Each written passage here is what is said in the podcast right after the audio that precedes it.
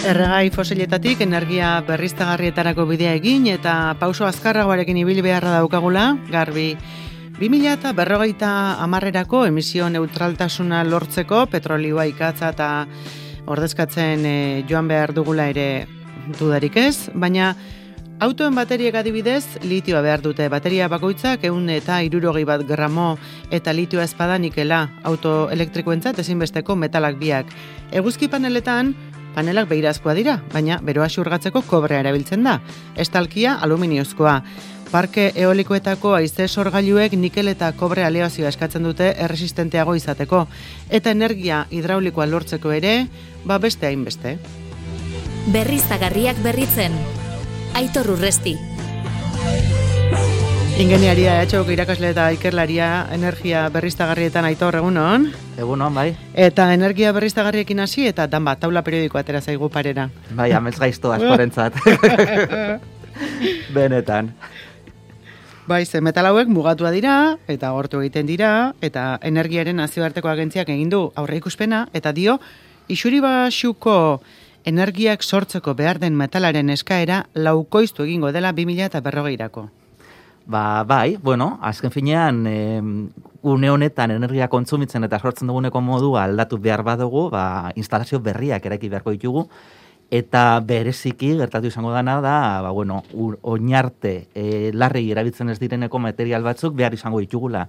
Eta hortze eskazia bat sortu liteke, ez?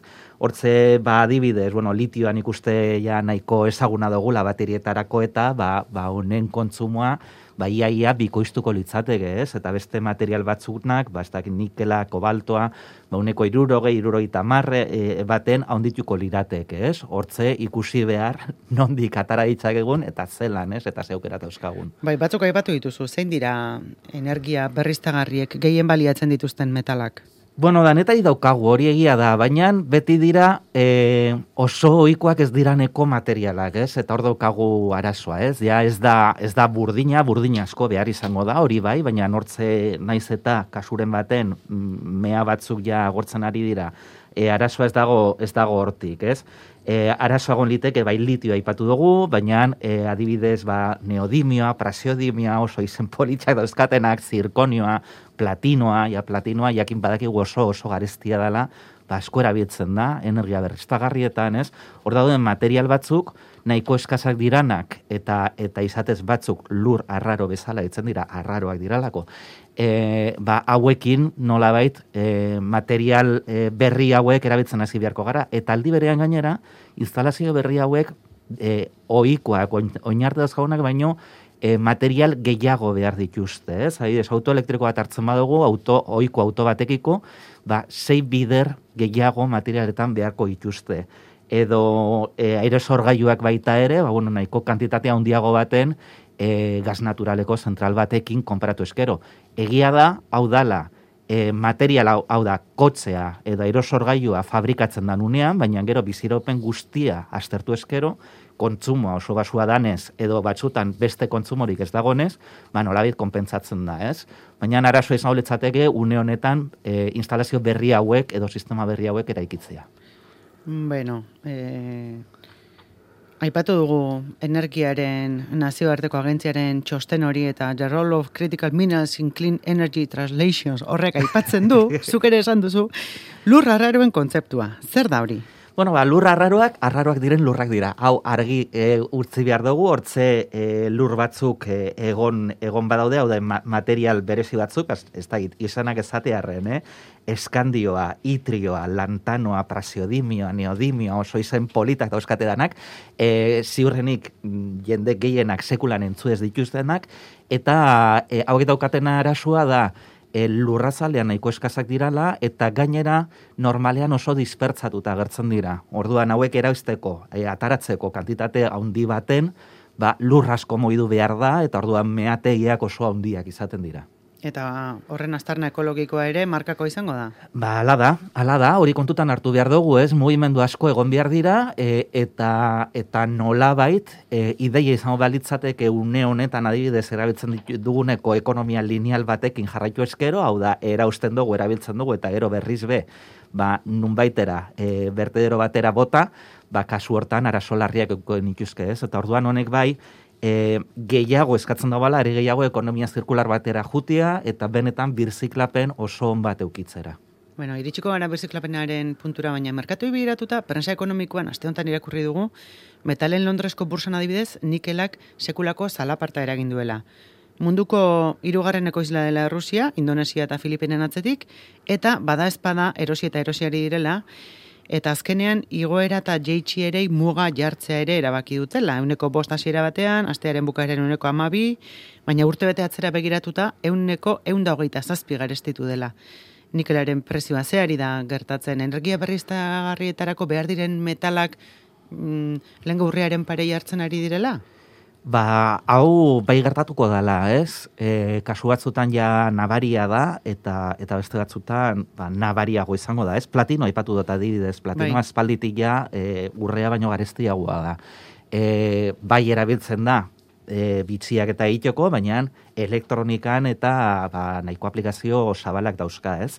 E, orduan ze gertatuko da, hemen bi gauza gertatuko dira, alde batetik espekulazio bat egongo da, hau argi dago, eta prezioak goraka egingo dute, baina bai nazioarteko energia agentziak e, nolabait aurre ikusten duena da, une honetan dozkaguneko e, ba, e, eskari goikuntza alde batetik eta bestetik e, mea berriak aurkitzen ez diranez, ba, nola baiteko hortze egon liteke, ba, desajuste bat, desakople bat, eta eta orduan bai presioak goraka e, joateko aukera, ba, bueno, egoera larrian egon gintezke, ez? Eta hor ikusi behar bai. zertatuko litzateken. Mm, Transizio energetikoa baldintzatzerainokoa, edo atzeratzea ekartzerainokoa? E, ba, izaliteke, izaliteke, baina asuntua da, kasu hortan, e, beste aukera e, batzutara jun beharko genukela, ez? E, hau da, materialak unionetan erabiltzen diranak dira eskuragarri daudenak eta identifikatuta daudenak, baina aldi berean beste aukera batzuk egon badaude, ez?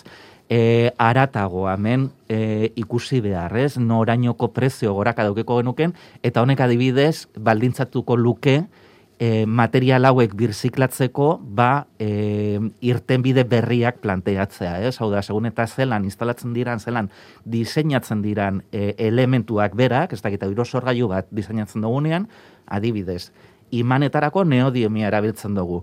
Ba, iman horiek bir, planteatzen baditugu gero berriz ere bere biziraupena, e, aerosorgailuaren biziraupen amaitu denean, berriz, er, berriz ere berrerabiltzeko moduan, ja neodime berririk ez genuke berru, beharko, ez? Orduan hortze, bait, diseinu mailan gauza asko egin daitezke, nola bait, eskaria, mineral berri hauen eskaria murrizteko. Bai, eta berriz ere erabilializateko, ze Teslak adibidez, badu bere plangintzetan baterien euneko laro amabi, biziklagarria izatea nahi luke. Eta Europar batasunak ere finpekatuta dauzka honen gaineko plan batzuk, ez? Litioaren euneko lau ja birziklatu izatea nahi du, 2000 eta hogeita marrerako.